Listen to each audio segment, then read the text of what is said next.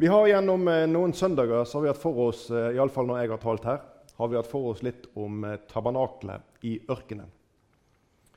Senere så er du kanskje kjent med at det blir bygd et tempel i Jerusalem som er bygd på den samme lesten som tabernaklet var i ørkenen.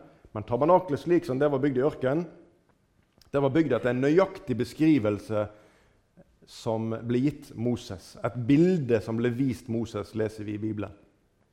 Gud han var veldig nøyaktig på dette, som han også ellers er. Han sa til Moses at eh, se til at dette blir bygd nøyaktig etter det bildet som jeg viste deg. Vi skal ha med oss noen hovedpunkter, sånn at du som ikke har vært her på de søndagene som nå har passert, hvor vi har hatt dette temaet, du skal få en liten pekepinn på hvor vi er henne.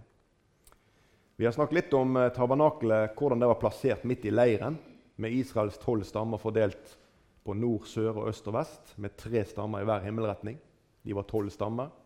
Og hvordan tabernaklet var reist opp i midten av leiren, imellom alle disse skitne teltene som på en måte kan representere våre liv og vår menneskelige situasjon i forhold til Gud, som er den hellige.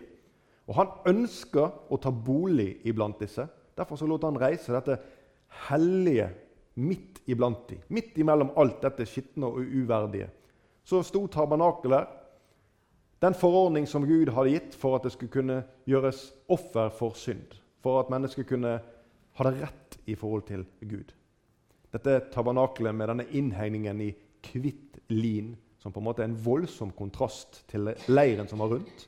Porten inn, som Gud hadde gjort brei, ca. 10 meter brei og 3 meter høy, som var laget av et teppe i fire farger.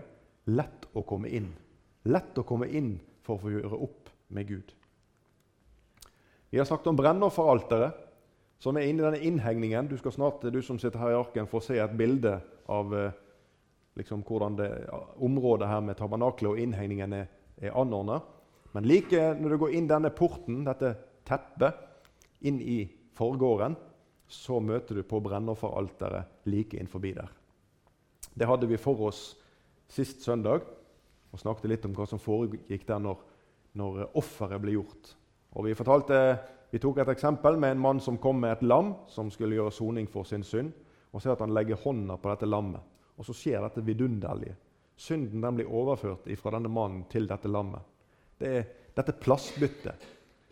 Og så utfordrer jeg deg på å prøve å se deg sjøl slik når du betrakter Jesu kors.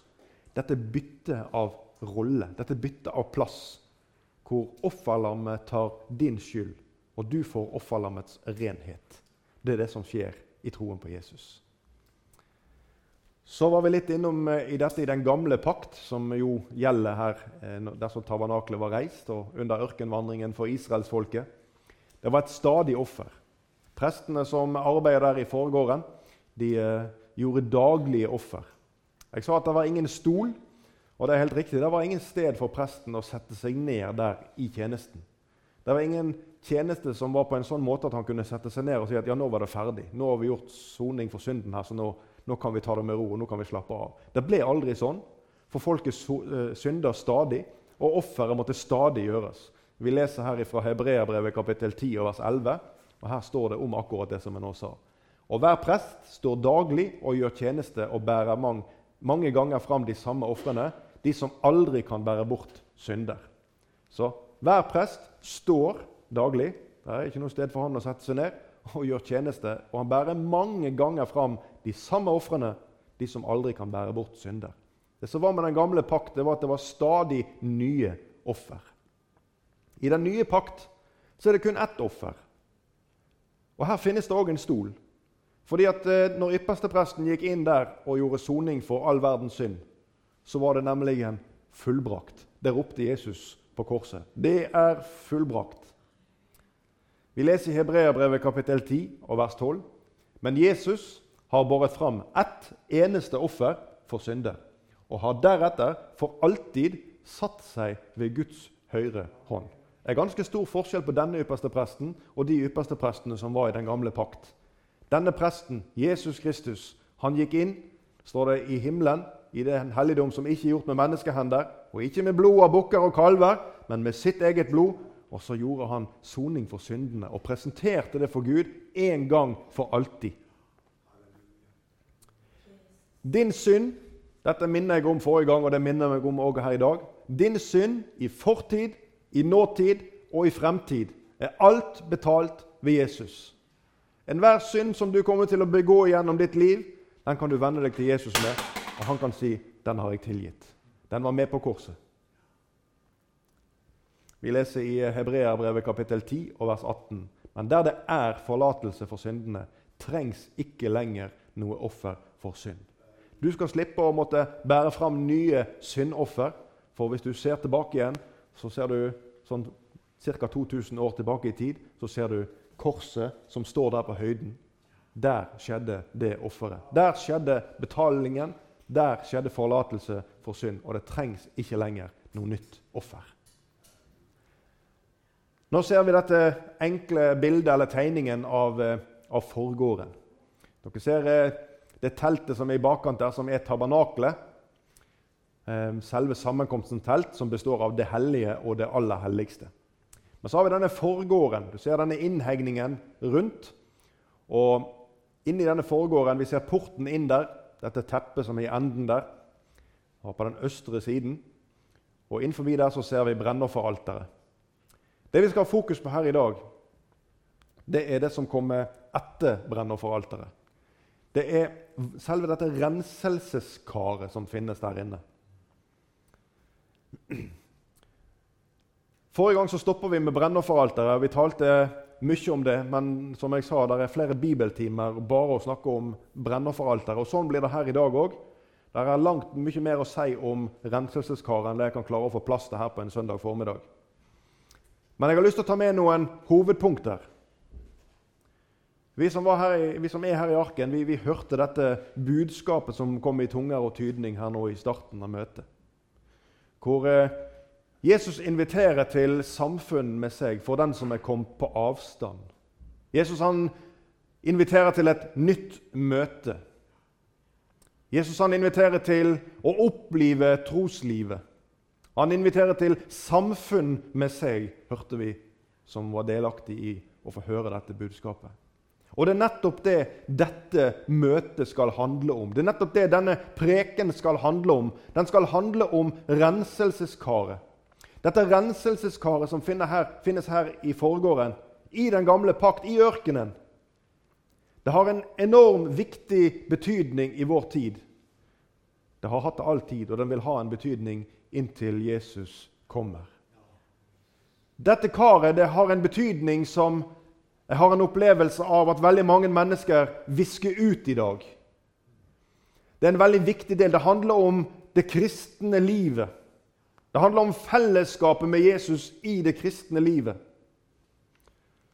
Og jeg har lyst til å gå videre. I den gamle pakt så fikk ikke andre enn prestene gå lenger inn enn til brennofferalteret. Altså Synderen kom inn og bekjente at han hadde synda, hadde med seg et dyr som skulle ofres. Og presten gjorde tjenesten og ofra dette dyret. Og Mann eller kvinne som hadde syndet, kunne gå ut igjen og være fri og ha sin synd oppgjort og ha fått overtatt offerdyrets eh, renhet og uskyld. Renselseskaret som jeg sa, står litt lenger frem mot tabernaklet. Du kommer inn porten, du har vært til brennofferalteret. Så kommer altså renselseskaret lenger fram. Men der fikk ikke folket gå. Det var kun for prestene. De som gjorde tjenesten inne i denne forgården, og inne i det hellige. Disse prestene det er de som bruker dette renselseskaret. Og de bruker det flere ganger om dagen. Så hva er hemmeligheten her? Vi skal lese litt. Andre Mosebok, kapittel 30, og vers 17-20.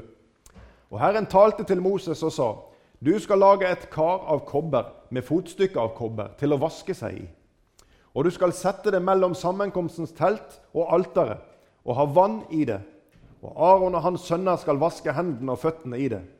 Når de går inn i sammenkomstens telt, skal de vaske seg med vann for at de ikke skal dø. Likeså når de trer fram til alteret for å gjøre tjeneste og brenne ildoffer for Herren. Det vi leser om her, det er at Gud ba Moses om å sette opp dette renselseskaret i kobber. Der skal altså prestene vaske seg før de gjør tjeneste for Herren. Før de kan hjelpe noen der borte med offeralteret, brennofferalteret, så må presten ha rensa seg her i dette renselseskaret. Før presten kan gå inn i det helligste og holde på med lysestaken og skuebrødene og røkofferalteret Det har ikke vi vært innom ennå, men det kan vi kanskje komme til litt senere i et møte. Før presten kan gjøre disse tjenestene, så må han ha vært her i renselseskaret og vaska seg. Men dersom det renselseskaret som står inne, kun var for prestene, er det da viktig for oss som er kristne i dag? Har dette noe egentlig betydning? Vi har jo sagt at vi kommer inn der i den gamle pakt og frem imot dette brennofferalteret, og der blir synden oppgjort. Så hva skal vi så med dette renselseskaret? Og hvis det bare var prestene, betyr det noe for deg og meg i dag som har tatt imot Jesus? Svaret på det er ja. Og renselseskaret er svært viktig. Det er en det er en komponent i det kristne livet. Det er en komponent her som er beskrevet i den gamle pakt, som har en veldig viktig rolle for deg og for meg. Med en gang du har akseptert offeret, med en gang du har tatt imot Jesus, så har du på en måte, Hvis vi nå ser i dette bildet i, i, i forhold til tabernaklet og foregården, så har du gått forbi brennofferalteret. Ja, men kan vi det? Det var jo kun prestene som gikk lenger. Hvorfor skal det være viktig for oss? Vi skal lese fra åpenbaringsboken, kapittel 1, og vers 5 og 6. Og Der står det en hilsen fra Jesus Kristus, det troverdige vitne, den førstefødte av de døde og herskeren over kongene på jorden. Han som elsker oss Jeg er så glad for at det står i nåtid. Ikke 'elsket', men det står 'elsker oss'. Halleluja, skulle vært noe høyt i hele menigheten. Han som elsker oss og løste oss det skjedde i fortid, fra våre synder med sitt blod, og som gjorde oss til et kongerike, til prester for Gud sin far. Ham være æren og makten i all evighet. Amen. Hva leste vi nettopp her? Vi leste om en forandring som fant sted for lenge siden, når Jesus ropte 'fullbrakt'. Da står det her 'løste oss fra våre synder med sitt blod'. Og så sto det noe om hvordan Gud betrakter deg og meg, og Jesus betrakter deg og meg som har tatt imot ham. Elsker oss. Og jeg, jeg elsker å lese dette. Elsker oss i nåtid. Jesus har begeistring og kjærlighet for deg og for meg. Men så står det her at han gjorde oss til noe her, og det er også i fortid. Hva som skjedde? Han gjorde oss til et kongerike. Vi skal la det ligge i denne, denne talen men han gjorde oss til prester for Gud. Hva innebærer det for deg og meg? Vi leser et annet skriftsted fra 1. Peters brev, kapittel 2, og vers 5. Der skriver han.: Og bli også selv oppbygd som levende steiner til et åndelig hus, til et hellig presteskap, til å bære fram åndelige offer, slike som er Gud til behag ved Jesus Kristus. Og enda et skriftsted fra 1. Peters brev, kapittel 2 og vers 9. Men dere er en utvalgt ett, et kongelig presteskap, et hellig folk til eiendom. Og hør nøye etter. For at dere skal forkynne Hans storhet. Han som kalte dere fra mørket til sitt underfulle lys. Dette er den troendes rolle. Du som har tatt imot Jesus, du er prest for himmelens Gud. Ja, Du hører kanskje ikke til de geistlige og de som har sendt inn en sånn prest- eller forstandererklæring til fylkesmannen. Dette handler ikke om det. Dette handler om det vitnesbyrdet som Jesus gav til disiplene sine når han sendte dem ut og sa 'Gå ut til all, alle folkeslag og gjør dem til mine disipler'. Dette handler om å være en hverdagskristen. Dette handler om å gjøre en tjeneste for Jesus. Dette handler om det som vi leste om her Å forkynne Hans storhet, som kalte deg og meg fra mørket til sitt underfulle lys. Ja vel, så hvis du er blitt konvertert ifra å være til de som bare hørte til på utsiden av innhegningen, så har du nå kommet inn i forgården. Du har fått synden din sonet. Og du er blitt en prest. Du skal gjøre tjeneste her inne for de nye som kommer inn gjennom denne porten for å vise dem frem til dette brennofferalteret, så de kan få gjort opp sin synd. Men for at du skal være i stand til å gjøre denne tjenesten, så må vi få minne om dette renselseskaret som finnes litt lenger inne. For som prest så skal du lenger enn til brennofferalteret. Du skal frem til renselseskaret, og du skal også være i det hellige og gjøre tjeneste. Den siste biten får vi komme tilbake til en annen gang. Mange mennesker sliter med frelsesvisshet. Mange mennesker som har levd med Gud i mange år. Og så kanskje føler en det litt sånn av og på. Noen de sliter med dette i det daglige. Andre de føler at det, det, er perioder i livet hvor denne vissheten kommer litt på avstand, men så kjenner de seg trygge igjen. Jeg vet ikke hvor på skalaen du er henne. Kanskje du mangler denne vissheten om er jeg virkelig frelst. Er det nok? Lever jeg livet mitt slik som jeg skal? Kan jeg være sikker på at hvis Jesus kommer igjen nå plutselig, så får jeg være med? Kan jeg vite det? Noen synes kanskje at eh, ja, jeg tok imot Jesus, og, men, men det er ikke noe sånn synlig forandring i livet mitt. Det er ikke noe sånn det har ikke skjedd noe gjennomgripende i livet mitt. Personligheten min er mye det samme. Og, og fortsatt så synder jeg og gjør feil. Kan det være rett med meg da? Eller har jeg egentlig ikke blitt frelst? Kanskje du har slike spørsmål? La meg få spørre deg. Er det sånn at vi stadig må rykke tilbake igjen til dette brennofferalteret når vi har kommet inn og vi har fått gjort dette offeret? Må vi da tilbake igjen til dette brennofferalteret hver gang vi har gjort noe galt? Var det sånn Gud hadde forordna det for prestene her i den gamle pakt? Nei, det var ikke det. Forståelsen av brennofferalterets rolle og renselseskaret sin rolle er veldig viktig for å forstå din posisjon i forhold til Jesus, du som har tatt imot ham. Og Jeg har lyst til å minne om to veldig viktige ting. og det, Vi skal ta alteret først. Alteret det sier dette til deg. Du er en synder. Men pga. den lidelse og død som Jesus gjorde på korset, så er frelsesverket fullendt. Det er fullstendig. Jesu blod det gjør det mulig å gi alle som bekjenner sine synder, og som tror på Jesus, en evig forløsning. Verdien av Jesu verk den varer for alltid. Dette offeret trengs aldri å gjøre på nytt igjen. Det skal aldri måtte gjentas, det som Jesus gjorde. Jesu tilgivelse den er universell. Den omfatter all verdens synd, all verdens ondskap, all sykdom, all nød. Alt ligger hos Jesus. Han har makt over alle ting, og han har makt til å tilgi alle ting.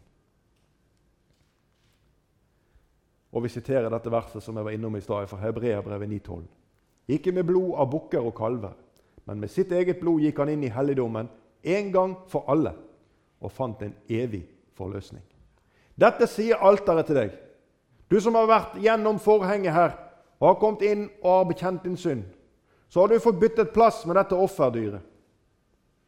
Og uten å bli for metaforisk det er jo Guds lam vi snakker om her. Forrige gang når vi hadde for oss brennofferalteret, så snakket vi om at han er både offerlammet han finner vi i skikkelsene hans finner vi igjen i selve brennofferalteret. Og vi finner også han igjen i presten. Jesus er alt i dette. Alle elementer og alle ting i tabernaklet det peker på Jesus.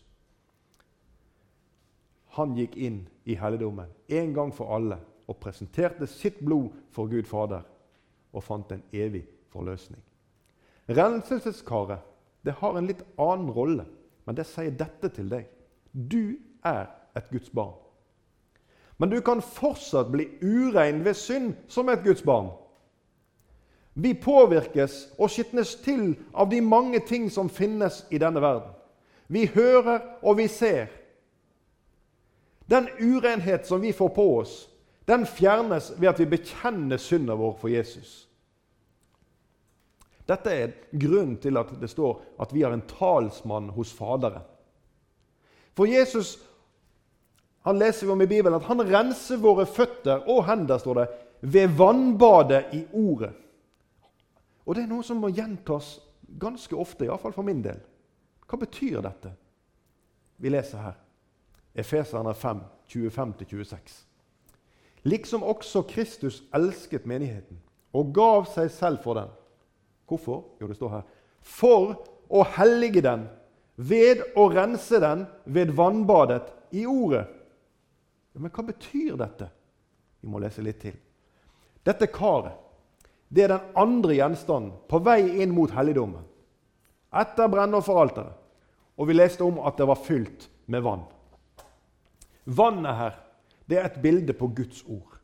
Og det er selve dette vannet som er renselsesmiddelet oppe i dette karet. I Johannes 15,3 så leser vi om dette. Jesus han sier noe om dette. Dere er alt rene på grunn av det ordet som jeg har talt til dere. Prestene de måtte altså hellige seg for å kunne gjøre tjeneste. De måtte vaske seg i dette renselseskaret for å kunne gjøre den tjenesten som de var satt til overfor Gud. Vi leser igjen her litt av det vi leste fra 2. Mosebok 30. Vi leser 20 og 21 der. Når de går inn i sammenkomstens telt, skal de vaske seg med vann, for at de ikke skal dø. Likeså når de trer fram til alteret for å gjøre tjeneste og brenne ildoffer for Herre. De skal vaske hender og føtter for at de ikke skal dø. Dette skal være en evig lov for dem, for ham og hans ett, slekt etter slekt. Vi snakker om Arons ett, som hadde prestedømme her. Betydningen av dette karet det synes jeg jeg opplever i alle fall slik at det er forsøkt viska ut i moderne tid. Vi er opptatt av, eh, og Mange er opptatt av brennofferalteret og at verket er fullbrakt. Og alt, og det er herlig og det er flott. Gud velsigne deg som har tatt imot frelsen i Jesus Kristus. Dette renselseskaret som vi snakker om her i dag, det handler om samfunnet med Jesus. Det handler om ditt liv sammen med Jesus etter at du har tatt imot frelsen. Vi leser Johannes, 1. Johannes kapittel 5 og vers 5 og 6. Han er den som er kommet ikke bare med blod. Vi leser Han er den som er kommet med vann og med blod. Jesus Kristus. Ikke bare med vannet og med blodet. Nei, ikke bare med vannet, men med vannet og med blodet. Og Ånden er den som vitner, fordi Ånden er sannheten. Du, Når Jesus var på korset, så kom det vann fra Jesus' side. Vi kan ikke gå langt inn i dette. Det kom blod og vann fra Jesus' side. Vi leser her i Johannes kapittel 19 vers 34. Men en av soldatene stakk et spyd inn i siden på ham, og straks kom det ut blod og vann. To viktige ting. For Jesus han soner din synd på korset. Men dette vannet det finner vi tilbake igjen helt i den gamle pakt. Vi finner det i renselseskaret, og Jesus han omtaler vannet som det ordet som skal rense oss. Begge deler hører med til frelsen. Og begge deler hører med til det kristne livet. Du, Føtter og hender de må vaskes før tjeneste. Og det er den helliggjørelsen som Bibelen lærer oss om. Du har kanskje noen ganger grunner på disse litt vanskelige ordene når, når noen står og forkynner om rettferdiggjørelse, mens andre forkynner om helliggjørelse. Og Det er to prosesser i vårt menneskeliv. Hel denne, denne rettferdiggjørelsen den skjedde ved Jesu død.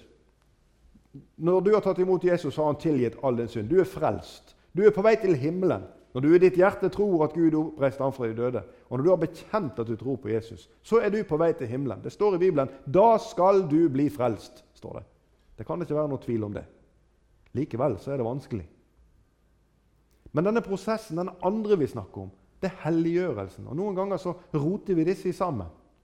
Helliggjørelse det er noe som du og jeg ikke kommer til å bli ferdig med før vi stiger inn i Guds evige himmel. Da er vi ferdig med helliggjørelsen. Dette er en prosess som foregår gjennom denne verden som vi lever i. Hvor vi stadig kommer til kort, hvor vi stadig gjør og sier ting som er i strid med Guds vilje. Og så får vi bruk for dette renselseskaret. Men det er ikke slik at vi faller ut av hele innhegninga, faller ut av Guds nåde og faller ut av frelsen. For det står at hvis vi i vårt hjerte tror og vi med vår munn bekjenner, så skal vi bli frelst. Det står et løfte der. Men likevel så synder vi på veien. Hva betyr denne renselsen? Denne helliggjørelsen? Hva, hva handler det om? Når jeg var ung, og det begynner å bli noen år siden, så var vi på leir. Og Da husker jeg at vi diskuterte dette temaet. Hvordan er det med frelsen? Hvis vi nå tenker en syndig tanke eller gjør noe galt, Faller vi da ut hvis Jesus kommer igjen akkurat når jeg har sagt noe stygt? Får jeg ikke være med da? Dette er helliggjørelsen vi snakker om. Jo da, min venn, du er frelst som har tatt din tilflukt til Jesus. Og fallet i synd og feil, det gjør vi alle sammen. Men Jesus han gir et viktig eksempel for hvordan dette her henger sammen når han vasker disiplene sine føtter. Jesus han sier til Peter Du husker kanskje at Peter han protesterte veldig. Han syntes ikke det var riktig at Jesus, som var deres mester og herre, at han skulle vaske føttene deres. Det var uhørt. Da svarer Jesus til Peter i Johannes 13, vers 8. Dersom jeg ikke vasker deg, har du ingen del med meg. Og Her ligger nøkkelordet i det som jeg prøver å forklare til deg her nå. Ordet med nøkkel, det er 'med'. Dersom jeg vasker deg, har du ingen del med meg. Jesus han sier ikke at uh, du har ingen del i meg. Han sier du har ingen del med meg. Du del i Jesus og i frelsen. Det fikk du når du passerte brennofferalteret. Når du bekjente din synd og tok imot Jesus, da fikk du del i Jesus. Da er du i Jesus. Så er det da ingen fordømmelse for den som er i Kristus Jesus, leser du i Romerne 8,1. Det handler om frelsen. Men Jesus han sier her dersom jeg ikke vasker deg, har du ingen del med meg. Så hva mener Jesus? Jo, del med Jesus. Det handler om samfunnet med Jesus. Du, I gammel tid så, her i Israel så lå de til bords. De hadde ikke et bord med stoler, sånn som du og jeg har. De lå til bords, og ganske ofte på et sånn type møbelstoff. Og Uansett hvordan det var, så var det ikke tillatt å ligge til bords og dele måltid med urene føtter.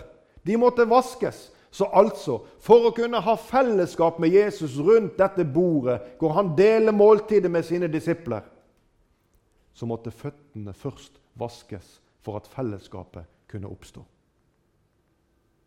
Du stadig synd urene tanker og urene gjerninger, de krever at du og jeg har en stadig tilbakevending til dette renselseskaret i vår tjeneste for Jesus. Omgangen med ordet, omgangen med bibelordet, det er meningen at det skal rense føttene og hendene våre. Både hendene og føttene våre.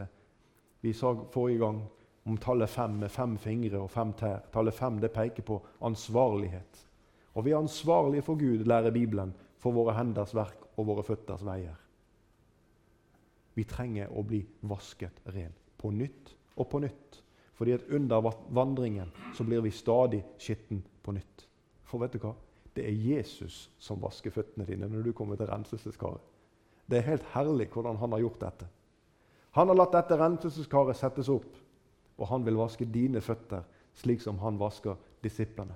Omgangen med bibelordet det skal rettlede deg og meg. Og det er betingelse for fellesskapet med Jesus. Hørte du det?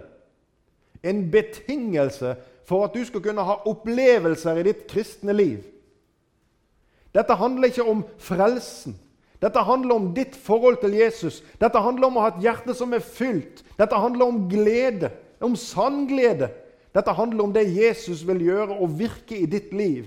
Han inviterer deg til bords, som du hørte her i begynnelsen av møtet. Men da må du også, som han minte deg om, la han få lov til å rense deg. Dersom jeg ikke vasker deg, har du ingen del med meg, svarte han Peter.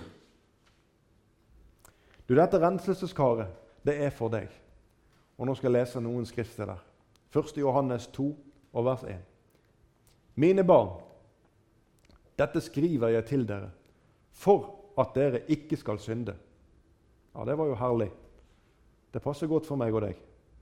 Han har skrevet til oss at ikke vi skal synde. Men han vet òg at det går ikke så bra med oss. Vi klarer ikke å leve slik. Så vi leser videre dette verset. Og hvis noen synder, har vi en talsmann hos Faderen, Jesus Kristus, den rettferdige. Du, Det jubler litt i mitt hjerte over disse tingene her. Hvis noen synder, og det gjør de sannelig, iallfall jeg, og helt sikkert du, så har vi en talsmann hos Faderen, Jesus Kristus, den rettferdige. Bibelen bruker ett ord én gang, og det heter hovedsaken. Du kan lese om det i Romerbrevet. Det er en hovedsak, det vi her taler om, at vi har en ypperste prest hos Faderen. Det er hovedsaken. Han som gjorde offeret. Han er til stede, og han har for alltid satt seg ved Guds høyre hånd. Det leste vi. Fordi at offeret er ferdig.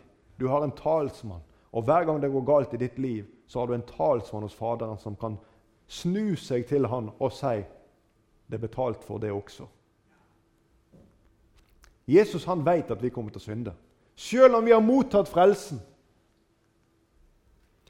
Det blir som når et av barna i huset, og kanskje noen kan kjenne seg igjen i dette Når barna har gjort et eller annet galt, og så er forholdet til mor eller far, eller kanskje begge, ikke helt i orden.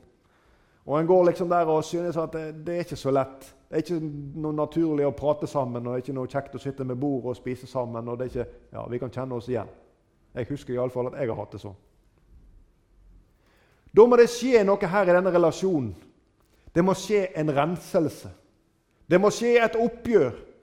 Det må skje at vi må snakke sammen kanskje og si at 'jeg er lei meg for at jeg gjorde det der'. Jeg slutta ikke å være sønn i huset hos mine foreldre fordi om jeg hadde gjort noe galt hos dem. Men jeg kunne fortelle dem hvordan det var, og så kunne vi være bestevenner igjen. Slik er det med renselseskaret. Det er et liv på kollisjonskurs med Guds ord. Det er et liv uten fellesskap. Det er, en, det er et liv uten det som Jesus sier til Peter del med Jesus. Og Det var dette jeg mente når jeg sa at jeg føler at betydningen av renselseskaret er på mange måter viska ut i vår tid. Fordi at mennesket har mer og mer fokus på egen vilje og egen vei. Egen fortolkning av rett og galt. Det er ikke så farlig. De retningslinjene som står skrevet, det der passer i gammel tid. Nå er det annerledes. Dagens etikk og moral osv. Et liv på kollisjonskurs med de forordninger som Gud har lagt, uavhengig av tid. Det er et liv uten fellesskap med Jesus. Det er et liv uten del med Jesus. Et fungerende kristenliv det krever stadig tilbakevending til renselseskaret. Det krever stadig omgang med Guds ord, slik at Han kan få arbeide på oss og få vise oss rett og galt, så vi kan bli rensa stadig. Men hva med størrelsen på dette renselseskaret? Jeg har jo vært så opptatt av fysiske mål og vekt og materialer og farger og tøy. Og Hva med de fysiske målene på dette karet? Jeg har bare lyst til å si til deg at det er en, det er en herlig del. Fordi at det er ikke oppgitt noen dimensjoner. Av alt det som Gud lot målsette i tabernaklet, både med vekt og størrelse, så er altså ingen dimensjoner oppgitt når det gjelder renselseskaret. Og det, kjære venn, det har en viktig betydning. Gud han er alltid rede til å rense oss og til å gjenopprette oss etter at vi har bekjent våre nederlag. Alltid. Vi er alltid velkommen til renselseskaret. Og vet du hva? Der er ingen oppgitt fysisk størrelse. Vet du hvorfor? For Guds kjærlighet og hans renselse, den er grenseløs. Det er ingen begrensninger for den renselse som kan foregå her ved dette karet. Det er ingen begrensning. Det er ikke oppgitt noe fysisk mål. Vi sang med barna her. Så høy jeg kan jeg gå over den. Så dyp jeg kan jeg gå under den. Og så vid jeg kan jeg gå utenom. Kjærlighet så underbar. Og det er det som skjer her ved renselseskaret. Jeg skal sitere eh, to sangvers, et sangvers og et refreng fra en sang. Og Sangen den heter 'Kom, min frelser, og hjelp meg'. Hør nå dette. Mer herlighet, mer hellighet gi meg, mer lys på min sti. Mer sorg over synden, mer renhet meg gi. Mer kraft til å tjene, mer glede i Gud. Mer lyst til å lyde ditt kjærlighetsbud. Og så refrenget. Kom, min frelser, og hjelp meg. Ta meg, helliggjør, rens meg. Dann meg og fyll meg og bruk meg. Jesus, gjør det du må. Herre Jesus, og du hjelper oss at vi med hjertets oppriktighet kan tilnærme oss deg på denne måten. Herre, vi trenger å forstå renselseskarets betydning for oss i vårt daglige liv med deg. Herre, at vi kan stadig tilbakevende her, og at du kan få ta deg av oss, Herre Jesus, og rense oss for bare da kan vi være istandsatt til den gjerning som du har utsatt for hver en av oss, Herre. Bare da kan vi være rette sendebud for deg. Hjelp oss, Herre Jesus, at ikke disse tingene kommer i ulage for oss. At vår egen vei og vilje, Herre, er det som skal danne grunnlaget for hvordan tjenesten skal være. Men la det være ditt ord, Herre, alene som skal være rettesnor. Ja, lys på vår sti, Herre, så vi kan få gå dine veier og gjøre den tjeneste du har tenkt, slik du ville det. Amen.